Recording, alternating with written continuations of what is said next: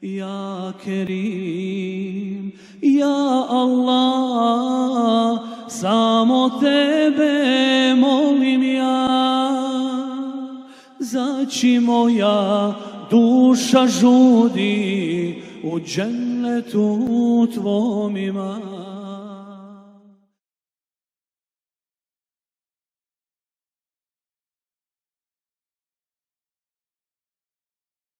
Alhamdulillah Rabbil Alamin, salatu, salam ala nebina نبينا ala alihi wa ashabi ajma'in, thumma ima ba'd.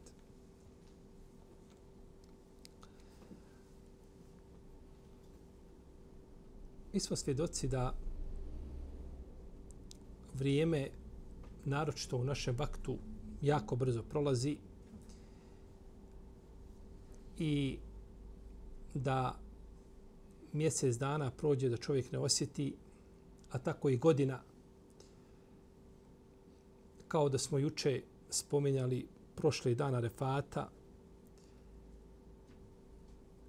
a evo i ove godine je na samom pragu dana refata. Pa je razuman čovjek onaj koji iskoristi svoje vrijeme u pokornosti uzvišenom Allahu Azzawajale, naročito u tim a odabranim vremenima kada može zaslužiti za mala dijela velike nagrade.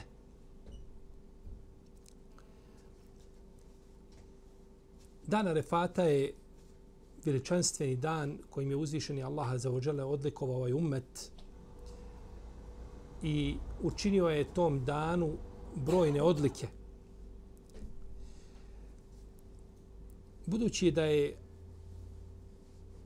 u petak dan Arefata, mi ćemo spomenuti nešto kratko vezano za odlike ovog veličanstvenog dana.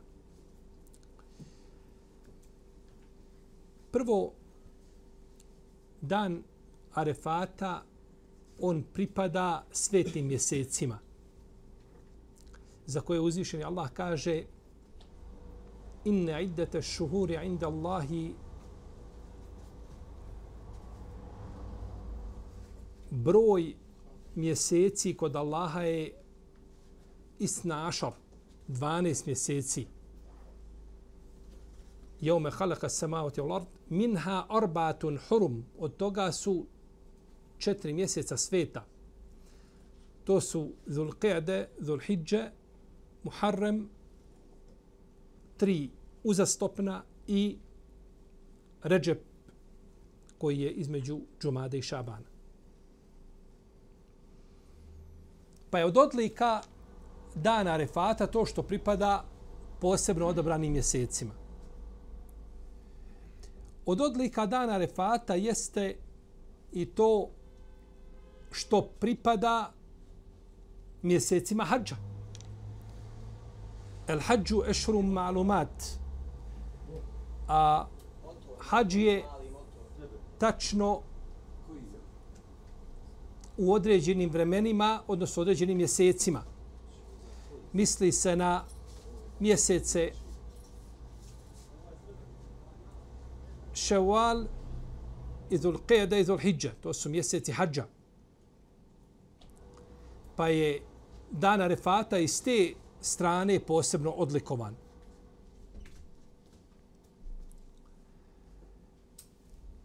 Isto tako, od odlika dana refata jeste što pripada a, poznatim danima za koje uzvišeni Allah kaže u jezkuru sme Allahi fi ejamim ma'lumat i da Allaha spominju u poznatim danima. To su, to je deset dana Zulhidžeta. Kako kaže Ibn Abbas i drugi. I od odlika dana refata jeste to što pripada a zakletvi dana na koje se uzvišeni Allah zakleo ili noći ol feđr, ol lejali na ašr. Tako mi zore i tako mi deset noći misli se na noći Zulhidžeta prvi deset noći kao kaže Ibn Abbas i to je mišljenje preferirao Ibn Kesir u svome tefsiru.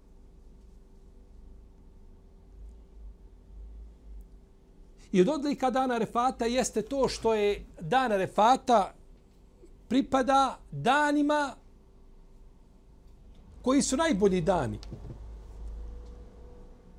Kako došlo hadisu Ibn Abbas, da je poslanik sa rekao, nema dana da je dobro učinjeno djelo Allahu draže u njima od prvih deset dana mjeseca Dhul Hidžeta.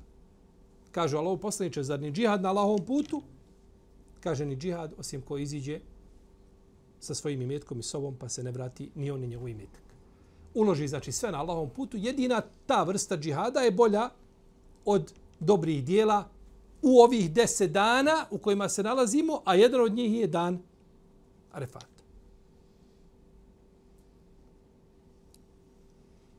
I od odlika dana Arefata jeste to što je uzvišeni Allah za ođele upotpunio na Arefatu ljudima njihovu vjeru. Bilježi ima muslim u svome sahihu, da je jedan jevrej došao kod Omara radijallahu anhu i rekao mu, kaže, vladaru pravovjerni. Ima jedan ajet koji učite u vašoj knjizi, da je nama skupini jevreja objavljen, mi smo taj dan uzeli kao blagdan. Pa je Omer upitao, a koji je to ajet? Kaže, ajet u kome Allah kaže, el jeume ekmeltu lekum dinekum, wa etmemtu alaikum ni'meti, wa raditu lekum u islameti danas sam vašu vjeru upotpunio i svoju blagodat prema vama usavršio i zadovoljan sam da vam islam bude vjera. Kaže Omar, radi Allah, kaže, ja znam kad je taj ajet objavljen i gdje je objavljen. Kaže, objavljen je petkom dok je poslanik sa osanem, bio na refatu. A ove godine se bit će petak, je li tako? Arefa refat će biti petkom. Kaže, objavljen je petkom, a poslanik je sa osanem boravio tada, bio je na refatu. Pa i to odlika na dana refata da je uzvišeni Allah šta? Ajet objavljen u kome je pod, nakon toga više nije bilo propisa, nije bilo uh, nečega što bi bilo, bilo je ajeta, došlo je nakon toga nešto da ajeta, međutim, vjera kao vjera svojim propisima je upotpunjena.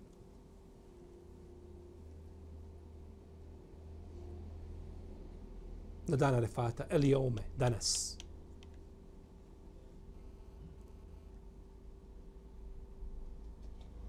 I od odlika dana refata jeste to što se na dana refata posti. I da post dana refata iskupljuje prošlu i narednu godinu. Iskupljuje prošlu i narednu godinu.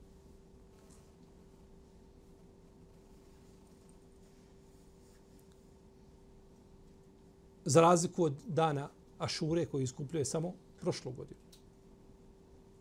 Jer je post Ašure Musaov dan, a dana Refata je Muhammedov, sallallahu sallam. Pa iskupljuje dvije godine. I zato je Ajša voljela posebno da posti dana Refata. Iz toga čovjek ovih deset dana, ko nije u mogućnosti da čini nešto dobre dijela, a post je jedan od njih, da posti dana Refata obavezno. Da dana Refata ne propušta jer je nagrada velika, iako nije čovjek time obavezan. Ali je sebi uskratio veliku nagradu. Ako može, a ne posti. I od odlika dana refata jeste to što je dana refata okarakteriziran kao blagdan, kao bajram, bajram, blagdan, kako je došlo u hadisu kod imama Ebu Davuda, da je poslanik sa osam rekao u vjerozostavnom predanju, kaže Jeumu Arafe o Jeumu Nahr wa ejamu mina iduna ahlel islam. Kaže dana Lefata i Kurban Bajram i tri dana mine, dani mine misle se na tri dane tešrika, kaže to su naši blagdani nas sledbenika Islama. To su blagdani nas sledbenika Islama. Nazvani su idom ovi dani. Oni su blizu i, i džuma je nazvana idom. Sedam dana je u šarijetu nazvano idom.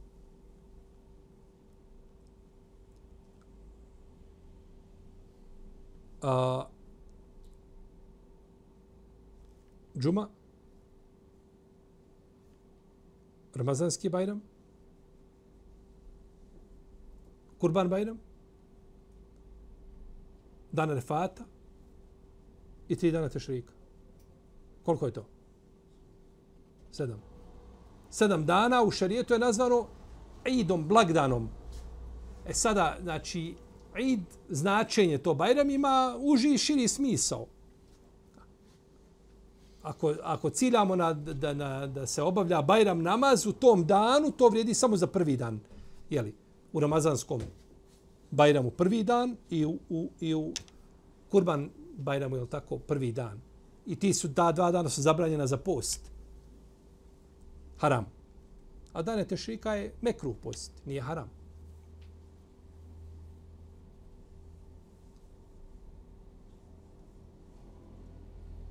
Pa se ne smije Bajram pomjerati za drugi dan. Za prvi dan Ševala ili drugi dan Ševala ili prvi dan Zulhidžet, eh, 10, 11. Zulhidžet ili 12. Ne, Bajram se klanja prvog i desetog, je tako? Prvog Ševala i desetog Zulhidžet. Pa je nazvan ovdje šta? Dana Refata da je blagdan, da je id.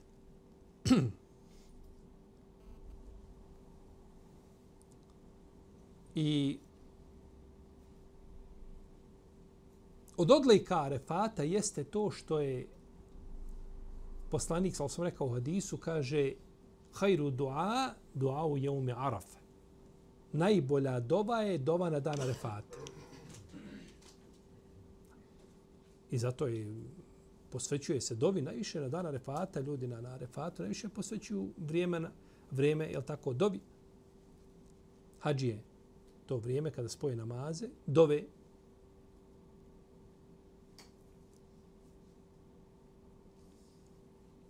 I od odlika dana Arefata jeste to što je rekao poslanik, ali samo hadisu Ajše kod muslima, kaže nema ni jednog dana u kome Allah više robova oslobodi od vatre od dana Arefata.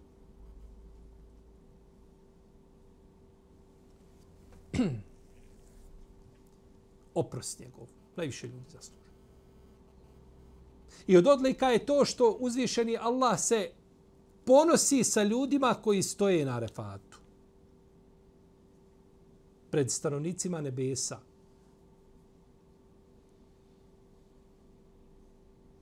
Kaže, ma erade haula. Kaže, šta žele ovi? Dža uni šu'then gubra min kulli feđin amik. Kaže, došli su mi uprašeni, raščupani, iz dalekih mjesta. Kaže, kaže, uzimam se sa svjedoke da sam im uprostio. Tavan, kaže, njihovi grijeha bilo koliko i kapi kiše.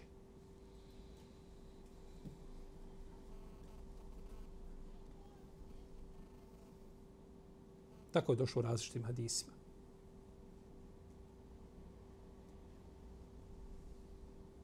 I od veliki odlika dana Arefata jeste što je nazvan dan Arefata hađom. El hađu Arafa, kako došlo kod Buhari i kod muslima. Hađi Arefat. Kao da je to jedini rukn. Mi imamo pored boravka na Arefatu, imamo nijet, imamo tavaf, imamo saji. To su ruknovi četiri osnovna rukna hađa imamo vađibe, imamo pohvalne radnje. Pa dana refata, ovaj boravak na refatu, nije posebno veći rukn od recimo hađskog tavafa. Hađski tavaf je isto tako osnovni rukn. Nije ispred toga svega. Ako nema nijeta, ne vredi ništa. Međutim, kada je rečeno el hađu arafe, to želi se time ukazati na vrijednost i mjesto koje ima boravak na tom mjestu, tom danu. El Hadžu Arafa. I zato su govorili, Anas ibn Malik kaže da su govorili, da je Selef govorio da Arefat vrijedi za 10.000 dana. To su riječi Anas ibn Malika, tako vidiš imam Bejhek.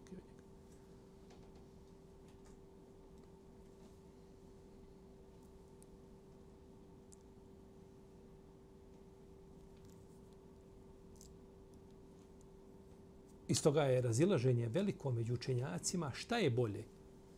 Je li bolji dan Arefata ili Kurban Bajram? Koji je dan bolji? Razilaze se na osnovu argumenta. Kod Šafija najbolji dan Arefata. Kada bi rekao ženi čovjek svojoj razvedena si kada bude najbolji dan u godini, kaže kada bude dan Arefata razvedena je. Smatraju ga šta najboljim danom. Šehol Islam ibn Taymi je upitan šta je najbolje? Je li bolji? Šta je najbolje od ova četiri dana? Petak, a, dana Refata, Kurban Bajram ili Ramazanski Bajram? Šta je najbolje? Kaže, nema razilaženja među učenjacima je da je najbolji dan u sedmici petak.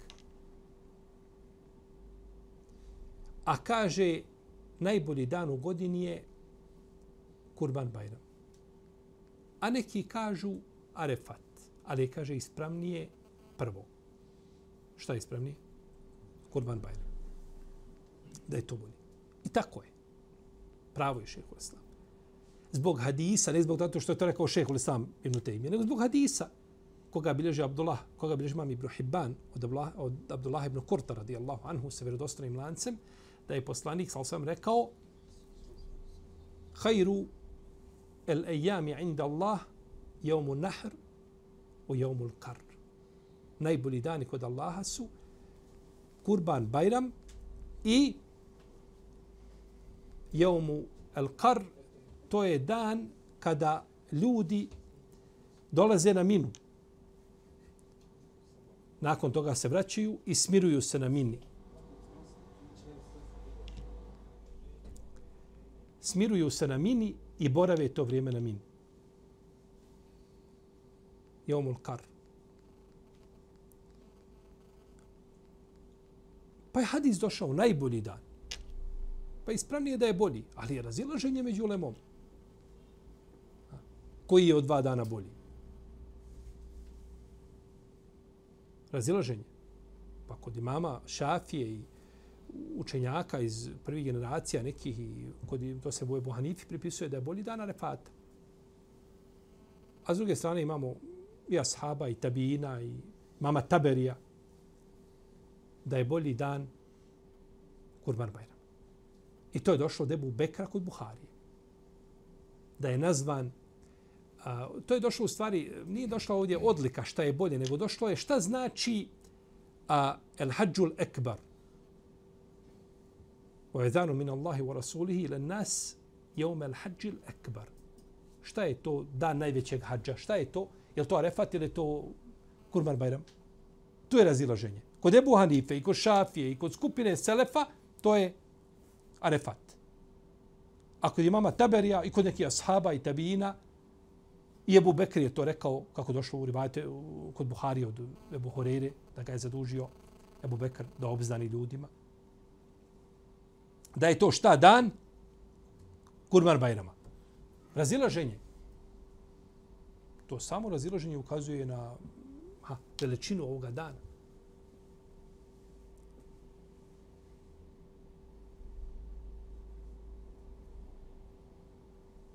Kaže Muhammed ibn al-Fudail. Išao sam kaže sa Fudailom ibn Jadom. Brać, kretali smo kaže sa Arefata, kaže pa smo vidjeli ogromnu masu ljudi ispred nas kaže, pa sam mu rekao, ili me, kaže, Fudajlu pitao, kaže, šta misliš, kaže, kako će Allah postupiti prema ovim ljudima? Kaže, pa sam rekao, arđu, arđu. Nadam se, kaže, nadam se. Nadam se, hajru, dobro. Kaže, pa me pogledaj, kaže, nadaš se, nadaš se. Kao da me osuđuje te moje riječi. Kaže, da su, kaže, ovi ljudi ošli kod najgoreg Allahovog stvora na zemlji ovi koliko ih ima. I bili posrednici, tražili nešto od njega, molili ga, ta skupina ljudi, kaže, oni bi mu udovoljio. Kako onda kaže kada je u pitanju od milostivih najmilostivih? Kaže, već im je Allah oprostio. Naravno, ne, neko garantira za svaku jedinku da je uzvišen Allah oprostio, ali da uzvišen Allah oprašta svojim robovima na takvom mjestu, to je definitivno, to je njegova milost.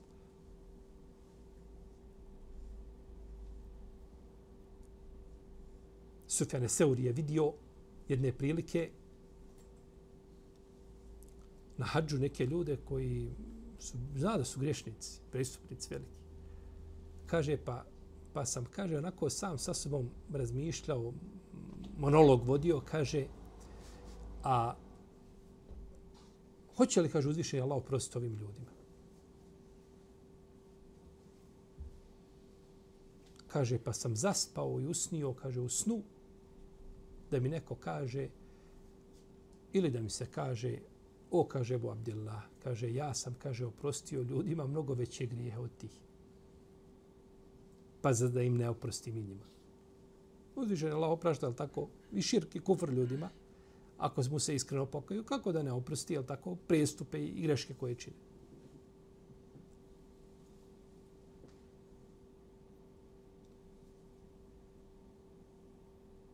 Naravno, oni nisu sebi dozvolili da neko od njih kaže Bekir ibn Abdelah al-Muzeni je bio, tabin poznati, bio na, na refatu. Kaže, gospodar moj, kaže, ja sam objeđen, kaže, da bi ti oprostio svim ovim ljudima, kaže, da ja nisam među njima. A on, imam. Ali eto, nije dozvolio, znači, ovaj, sebi da, kaže, oprostit ću vam Allah zato što sam ja među vama. Kaže Ibn Sirin, imam El Fakih je zabilježio Ibn Sirina da je govorio, kaže, očekivali su dobro u ovome danu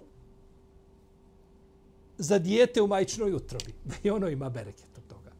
Za sve.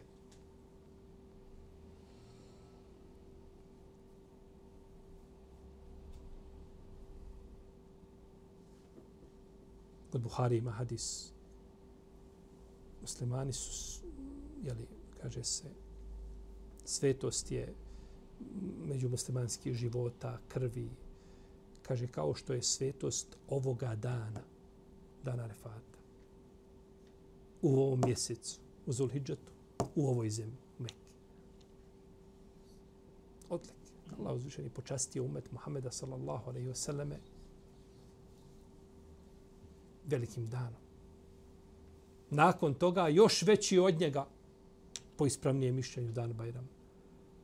Nakon toga dani mine, dan kara, dani mine, blagdani.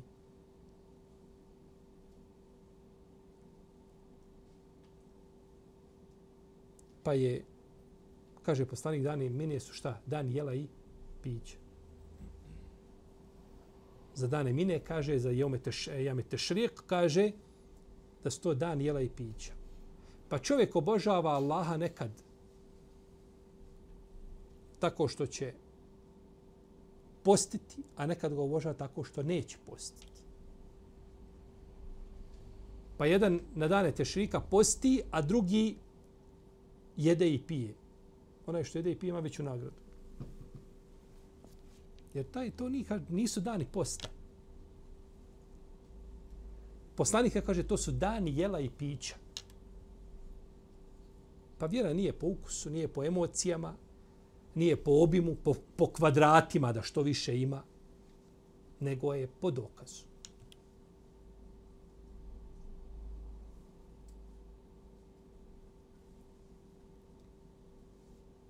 Danas mi smo kazali tako da je dan Bajrama bolji od dana Arefata, ali tu je poznato raziloženje kod Ehlo S tim što na dan Bajrama, je tako, u najviše obreda hađa se obavlja na dan Bajrama. I bacaju se kamenčići, glave se briju, obavlja se tavaf, obavlja se saji. Većina tih obreda mm, biva na dan jeli, Bajrama. Stoga dan Bajrama ima posebno i zato je nazvano ono hađul ekbar kada se kaže dan najvećeg hađa, da je to vezano vjerovatno za, za kurban Bajram, iako je razilaženje među učenjacima u vezi s tim. Molim se više Allah zažu da nas počesti boravkom na refatu. Prije naša dobra djela, sačuva iskušenja i sproživi u društvu najbolji.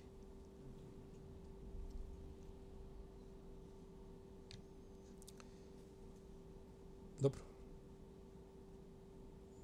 Sam htio sam kratko nešto da kažemo o refatu prije predavanja našeg.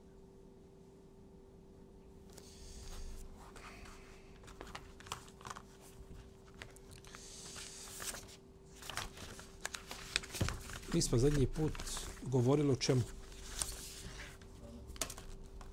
Molim?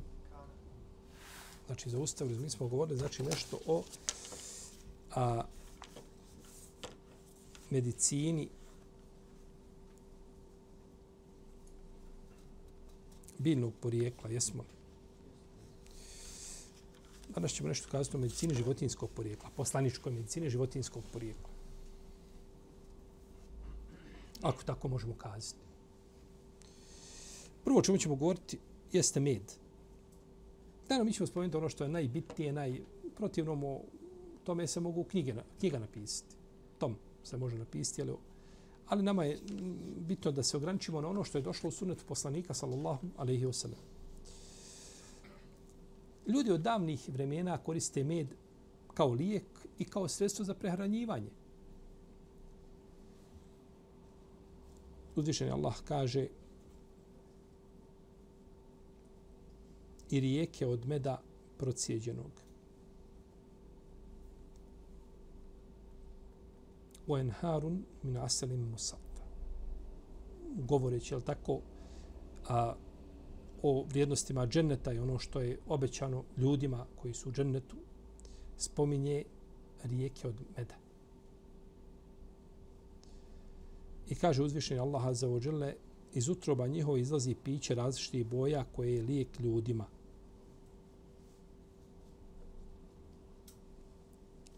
Jahružu min butuniha šarabun muhtelifun elvanuhu fihi šifa'un linnas. Iz utroba njihovi izlazi piće različitih boja koje je lijek ljudima. Ove riječi da, je lije, da su lijek ljudima, šta je lijek ljudima? Po većini komentatora odnose se na med, zato što je kontekst takav. Ima oni koji smatraju da je to Kur'an, da je Kur'an lijek ljudima, međutim ne spominje se ovdje Kur'an. Tako da to mišljenje nema svoju snagu. Spominje se, znači, ono što izlazi iz utroba, je tako, pčela. Jer se kaže u početku ajta, gospodar je nadahnuo pčelu. I onda kaže iz utroba njihovih, čiji utroba? Pčela izlazi ovaj a, piće. U njemu je lijek. Daleko, daleko, jako, da kaže, se odnosi ova zamjenica na šta? Na Kur'an. Fihi, u njemu. U njemu. U Kur'anu ili u medu? Tako kontekst nalaži tako kontekst nalaže. Da, da bi kazali da se odnosi na Kur'an, tu morali imati zaista i dokaz ili tefsir od poslanika, sa osam hadis ili nešto slično tome u protivnom kontekst, jer to je izmjena spoljašnjih značenja, ali tako ajete. Pa je spomenuo znači piće koje izlazi iz utroba pčela. I ovo je bez sumnje ispravno mišljenje. I ovo nije rečeno med, pazite izlazi iz utroba pčela i sve što izlazi iz utroba pčela i matična mliječ i pčelni vosak i pčelni otrovi, sve što izlazi, sve je to korisno. Uzvišen je Allah u tome učinio veliku korist za ljude.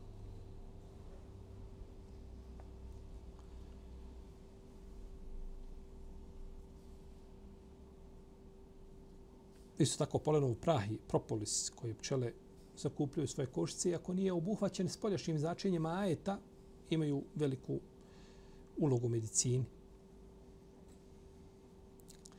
Kaže se ovdje fihi šifa unin nas. U njemu je lijek za ljude. Neki učinjaci kažu lijek je za svaku bolest. Lijek je za svaku bolest. Ibn Mesud je govorio koriste uvijek dva lijeka. Koriste Kur'an i med. Pa su ovdje spomenuta dva bitna lijeka. Kur'an i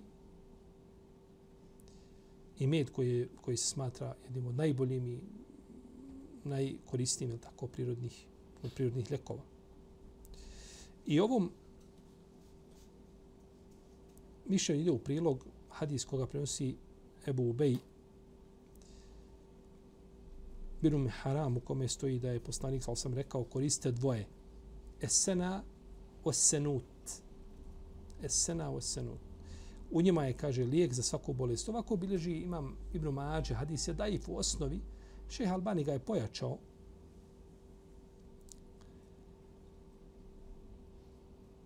A sena i sena al-Mekki, to je vrsta biljke čije cvijeće i plodovi se koriste kao lijek. I najbolja je hijđaska ova. A što se tiče senuta, to su neki učinjaci protiv da je to med.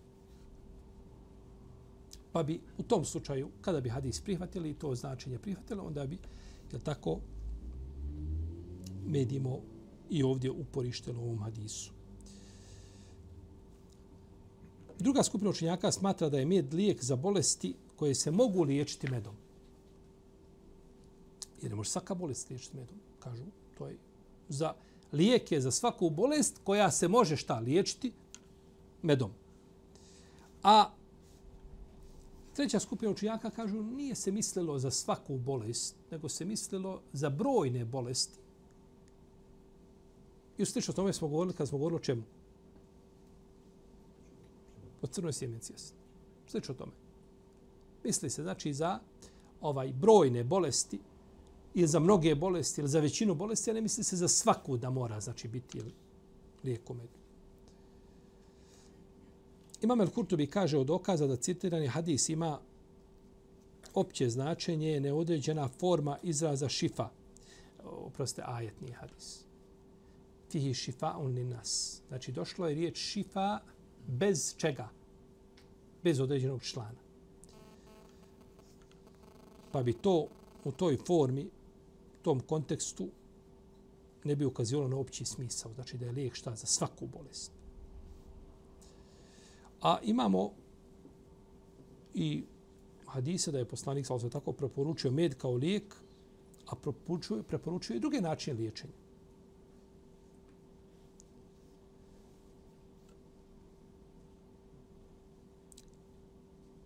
U sunetu poslanika navodi se nekoliko hadisa koji ukazuju da je med koristan lijek, A Aisha kaže da je Allahov poslanik sa volio med i slatko. Da je vodio, volio med i slatko. Tako došlo kod Buhari. I došlo kod Buhari kod muslima od Džabira da je poslanik sa rekao ako u nečemu od vaših lekova ima dobra, onda je u hijjami i u pijenju meda i u kauterizaciji vatrom, jeli, koja se podudari s bolešću a ja ne volim da se kauterizira.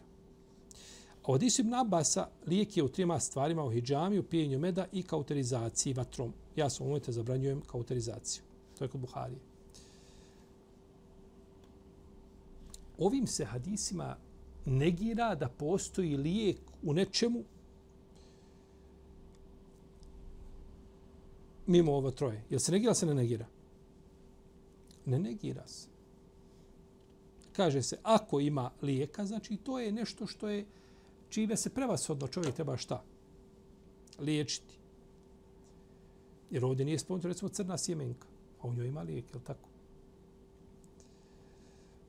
Pa se ne želi ovdje kazati da čovjek se može liječiti nečim drugim.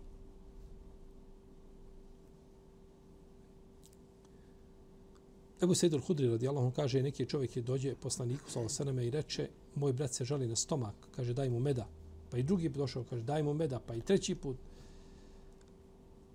Kaže, Allah je istinu kazao, stomak, stomak tvoga brata laže, daj mu meda, pa i opet, opet pio meda, pa je izliječio se.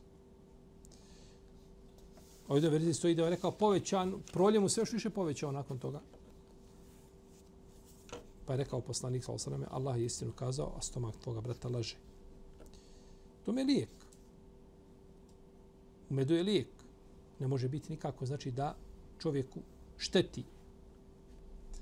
Naravno, pretjerana doza može, svega može štetiti.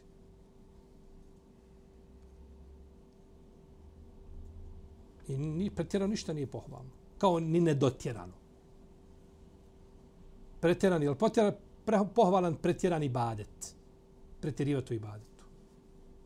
Ičtihaditi u ibadetu je pohvalno da čovjek se trudi maksimalno, nije, ali pretjerivati mimo svojih mogućnosti, sebe opterećava, to nije propisano din islamu. Pa čovjek iskoristi vrijeme kada je tako agilan, kada je spreman, kada osti da ima tako volje, snage, a kada je onako ni za šta onda je za jastuka, odmori. Tako. Sebe prisiljavati sebe kada nisi ovaj Vidiš, ne možeš gledat na oči, hoćeš da učiš Kur'an i otvoriš. Nisi proštao dva reda nikako, ti si već... Pa opet ti sebe prisiljavaš. Lezi odmori, pa ustani, pa uči ako, ako se odmoriš. Imamo nekoliko hadisa koji su koji se navode vezani za med, a koji nisu vjerodostojni. Ne odbija se miris i gutlja i meda od onoga ko vam ih ponudi. Daif. Ko poliže med tri jutra u svakom mjesecu, neće biti iskušan velikim nedaćama.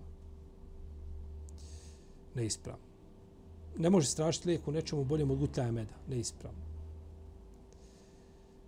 Srebrnjak koji je zarađen na halal način koji se kupi za koji se kupi gutljaj meda i popije zajedno sa kišnicom predstavlja lijek od svake bolesti. Neispravno. I tako i brojni drugi hadisa, da spominjem, citiram te hadise, daif, koji je došli vezani za med. Šehol Islam ibn Kajim kaže, volio je poslanik sallam, da miješa hladnu vodu i med. I kaže, ova, me, ova je mješavina jako korisna za zdravlje, a kaže, nju ne poznaje osim skupina vrhunskih lekara. Imam Ibn Ufle kaže u jednom hadisu i da je poslanik sallam pio natašte med sa hladnom vodom. Ne smeta pomiješati med sa vodom i piti to nije problematično. Međutim, da je to činio poslanik sa osaname, ovdje spominju Ibnul Kajim, to spominje Ibnul Muflih, Vjerojatno da je to Ibnul Muflih prenio od Ibnul Kajima, smisao. Zato treba hadis. Trebao bi hadis da je poslanik sapio medovinu. Da li ima hadis, ne znam i nisam tako nešto uspio naći da ima hadis miješanje vode i meda.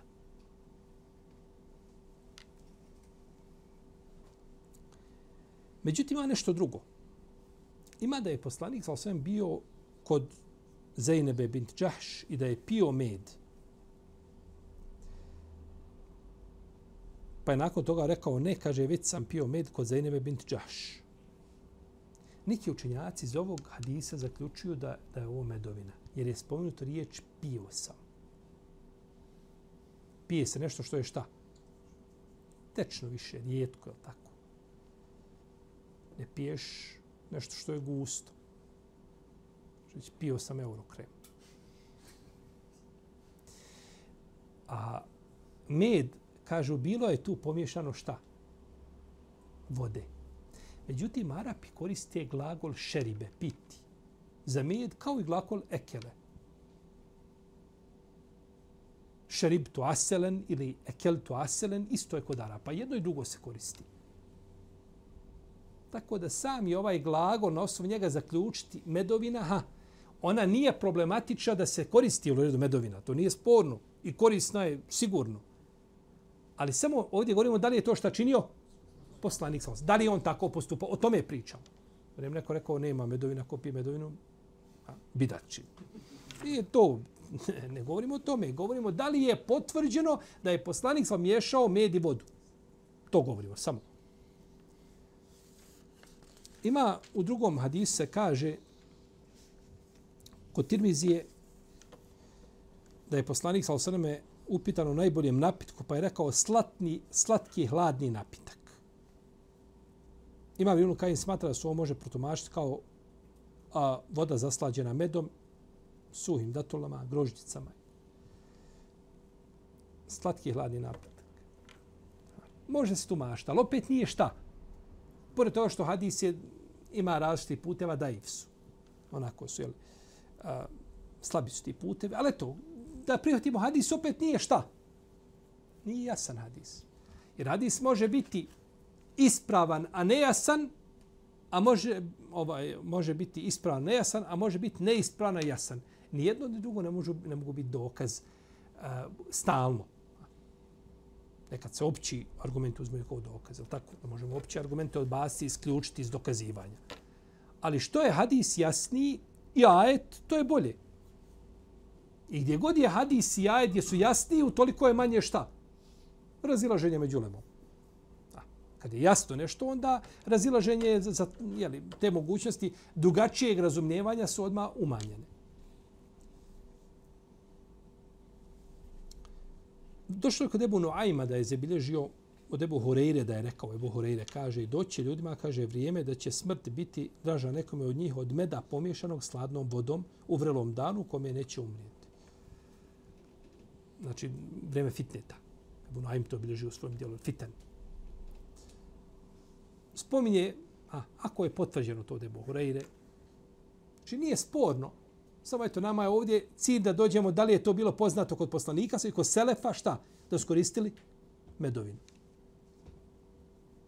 U protivnom, voda pomješana sa medom, da se onako pije, da su ne bi rekao da je kazao da je to štetno i da to Dalje imamo mlijeko i mokraća deva.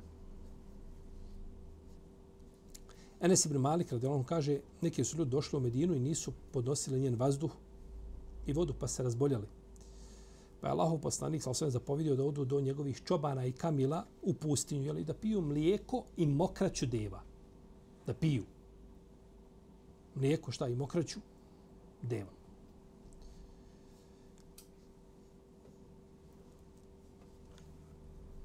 Oni su otišli, pošto su ozdravili, pobili su čobane i uzeli kamile. Pa je ta vijest doprala do poslanika, sal sam pa je poslao potjeru po njima. Pa su ih uhvatili. Ovaj hadis Imam Buharija, on je kod Buharija kod muslima. Imam Buharija je zabilježio ovaj hadis u poglavlju medicine na dva mjesta i naslovio je poglavlje liječenje devinim med, mlijekom i liječenje devinom mokraćom.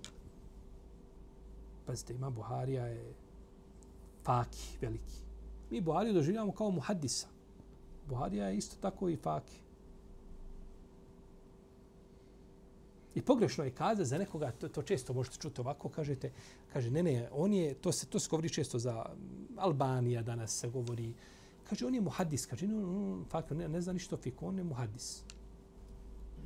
Znači, on zna doći hadis i nešto što je najpreciznije uraditi po pitanju hadisa, a to je doći do toga da li je hadis autentičan ili nije, i nakon toga ništa ne razumije što je hadis, kao da je na japanskom napisan. On ništa ne razumije ono što je napisano od propisa, on ništa ne konta, to mora ići šta? Tamo u drugi jedan odjel, da se to tamo razumije i shvati, a to je kod, kod tva. To je, to, je, to je batil. To je najveći batil koji može biti. Jer često igra ulogu sami kontekst hadisa prilikom prihvatanja i odbacivanja. Igra ulogu. Nerijetko. Pa kazati to je eh, ovaj za imam Ahmed kaže on ehlul hadis i ono ništa ne. Imam Ahmed je najveći fakiha. Ima svoj mezeb fikski.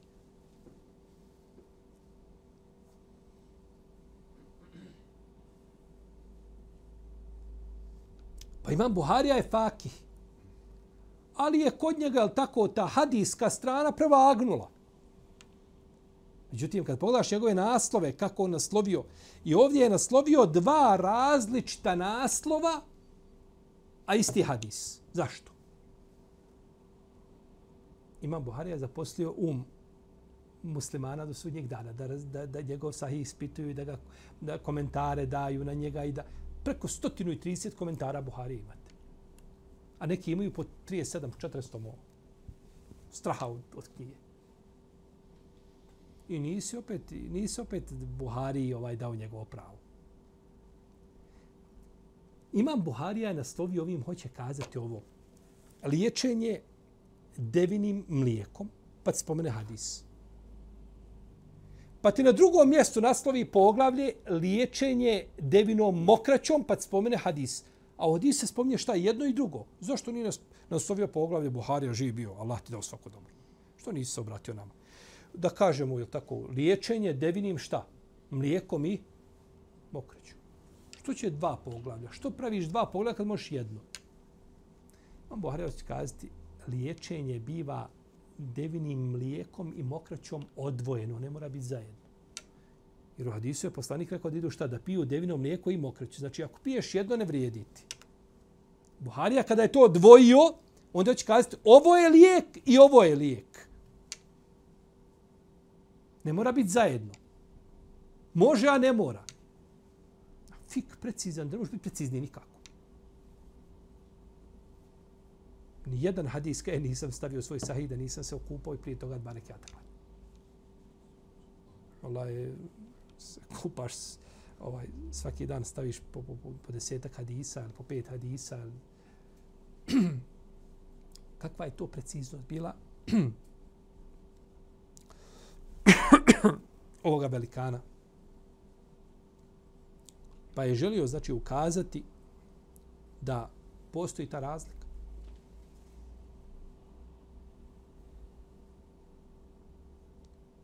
Tarik ibn Šihab kaže neki čovjek imao čireve na koljenima pa se liječio devinom mokraćom i misvakom koje je zajedno iskuhavao. Mokraću i misvak iskuhavao. Pa su ga ljudi odvraćali od toga, a on je bio u stranu tome, kad, kad, su, kad je sreo Ibn Suda, kaže, da im molim reci im, kaže, o čemu se radi. Kaži im, tako, dokaz, zbog čega ja to tako činim.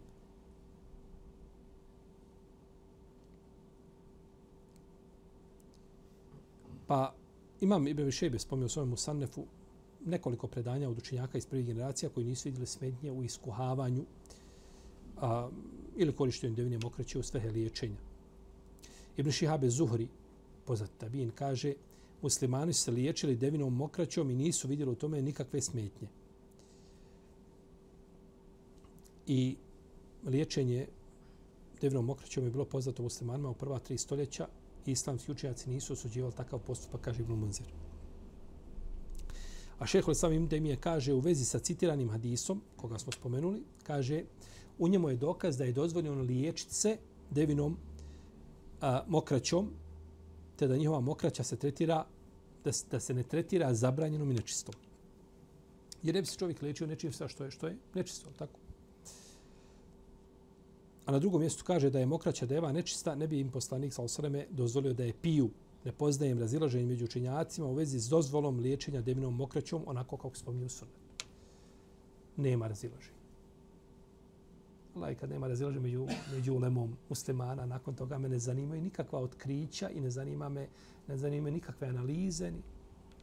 Nemoguće je da uzvi, da dođe hadis, ulema se složila sva na dunjalu na njegovoj ispravnosti, i prihvatila ga i rad po njemu i nakon toga da dođe da neko, je tako, može biti samo zlonamjeran koji želi, je tako, ne želi ni sebi ni drugima dobro. Iako to ne moraš ti se liječiti, ako to tebi ne godi, ne možeš. Poslani nešto mu nije godilo. Kad smo donijeli bodlje po guštara, baba onoga, da jede, stavili mu, on je pošao da jede, kaže jedna od prisutnih obavijesti poslanika, šta ste mu servirali? Kažu, to je bodlje pi guštara, Allah poslaniče nije. Kaže, jel haram Allah poslaniče? Ma kaže, nije haram, ali kaže, to nije bilo u mome narodu. Ja, nije, nije to moj narod, jeo, ja to ne mogu, ne volim ga. Duž. Nije ka haram. Pa je Halid ibn Walid, kaže, pa sam ga isjeckao pred njim i pojao ga. On gleda, kaže. Ti neće, ako nešto ti ne godi, ne duše, neko ne, nekom kad dobio zeca, da onako saražnja skinuo zeca, kao malo, ima li oro krema? Molim, nosi mi zeca. Nis, to zeca, nisam, nisam nikad probao zeca, nisam nikad... A neko jede normalno zeca kao, kao što jede i piletinu. Pa ne znači taj ukus da ti možeš nešto ovaj ne raditi, ne činiti, ali ne smiješ to negirati. Jer je to rekao poslanik, ali to je umet prihvatio.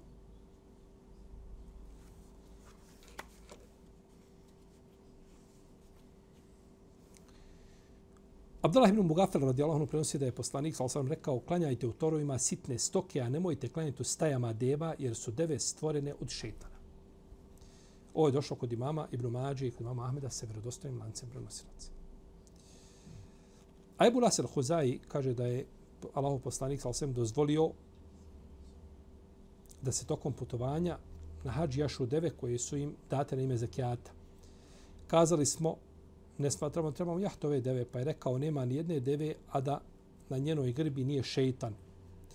Spomenite Allahovo ime dok je jašete, kako vam je naređeno, potom se koriste njima, Allah vam je omogućio da ih jašete. I ovo je Hasan Hadis. Še deve su, deve su nezgodne životinje. Jako prgave životinje i teške i ovaj a, a, stoga je ovaj a, opisane su znači da su stvorene od šeitana. Imam dalje loj pustinske ovce. Misli se na onaj veliki guzni loj kod pustinja, oni, oni, oni ovaca pustinski što ima pozadana. Deva ima možda, onaj ovca može imati par kilograma loja. Misli se na taj loj. On se koristi za liječenje, liječenje išijasa.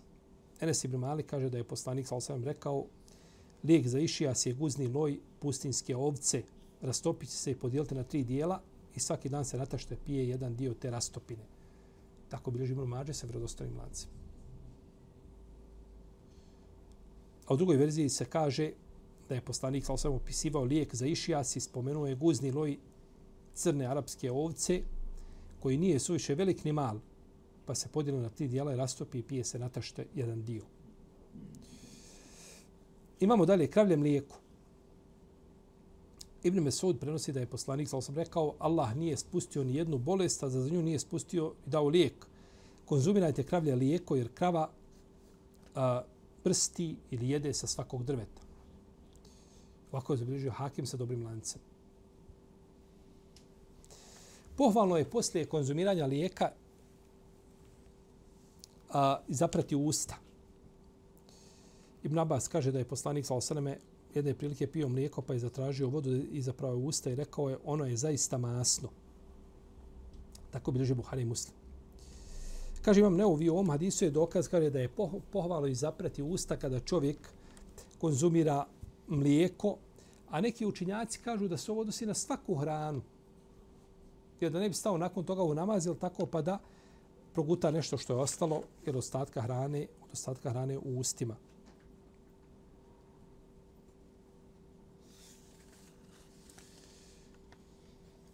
Imamo hadis kod Ebu Davuda u dijelu El Merasil. A, da je poslanik sam rekao kravlje meso je bolest. I šeha Albani prihvatio ovaj hadis. Kravlje meso je šta? Kravlje meso je bolest. Naravno, a, ne treba čovjek kada čuje nešto prvi put osuđivati. Nešto što mu je nejasno, osuditi mišljenje, hadis. A kako to može biti ispravno? Kako je to mogao poslanik sa reći? Treba vidjeti, začekati. Šta je Ulema kazala? Šta je Ulema? Šta su oni, kako, kako su to shvatili učenjaci? Hadis.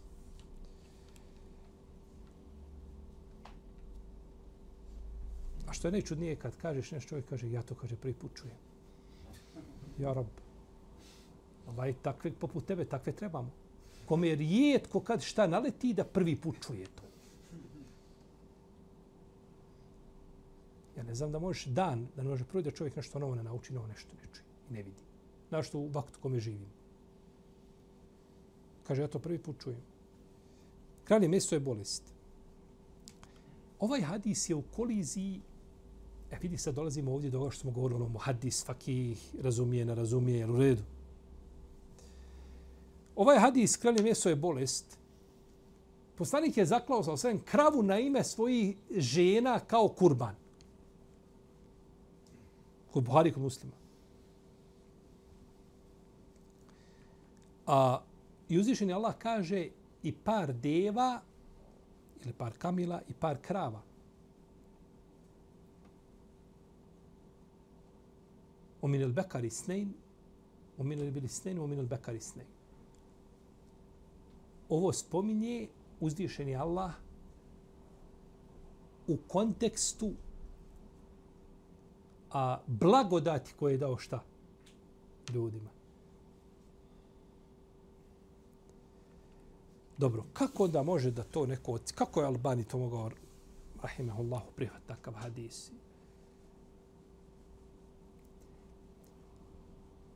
Učenjaci koji prihvate ovaj hadis, kada bi ga, ispravno da je hadis daif. Ispravno da je daif.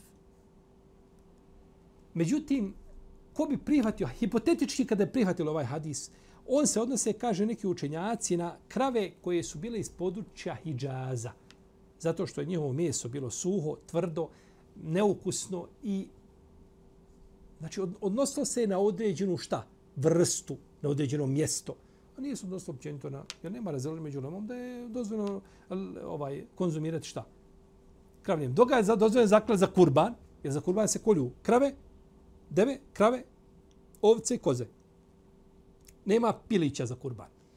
Nema patka za kurban. Znači, to su četiri vrste koje se kolju za kurban. I uzvišen Allah dozvolio da se njima približavaš klanjem, ali to što jedeš, što ti šteti. Može biti. Tako da je hadis prvo da je hadis daif. Ali, da toga je Budav zabilježio svojim merasil hadisima, mursel hadisima. Međutim, prihvatanje različitim putima pojačavanja hadisa, onda bi se morao hadis šta? Tumačiti na jedan poseban način.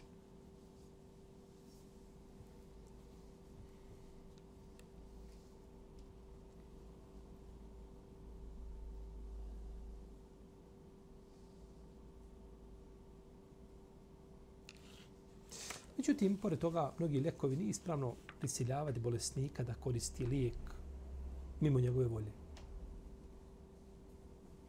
To mi smo govorili na početku, ako sjećate, u početku samog predavanja ciklusa, govorili smo da nije tako ispomnjali smo, je tako, kada je ovaj, a, kada su prisili poslanika, sa osam, ulijevali mu cjevčicom lijek u usta.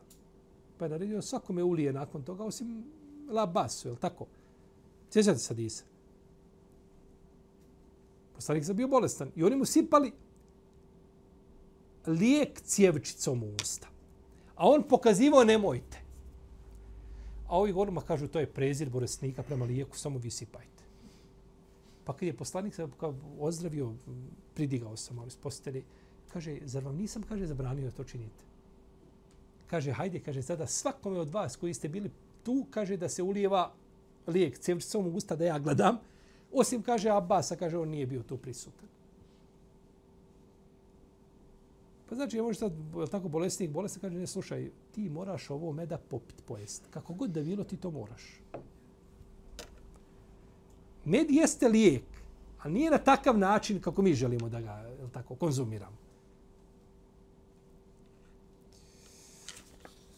Dobro, time smo završili poslaničku medicinu životinskog porijekla. Allah ta'ala, sallallahu alaihi wa sallam, Muhammed, ala alihi wa sallam.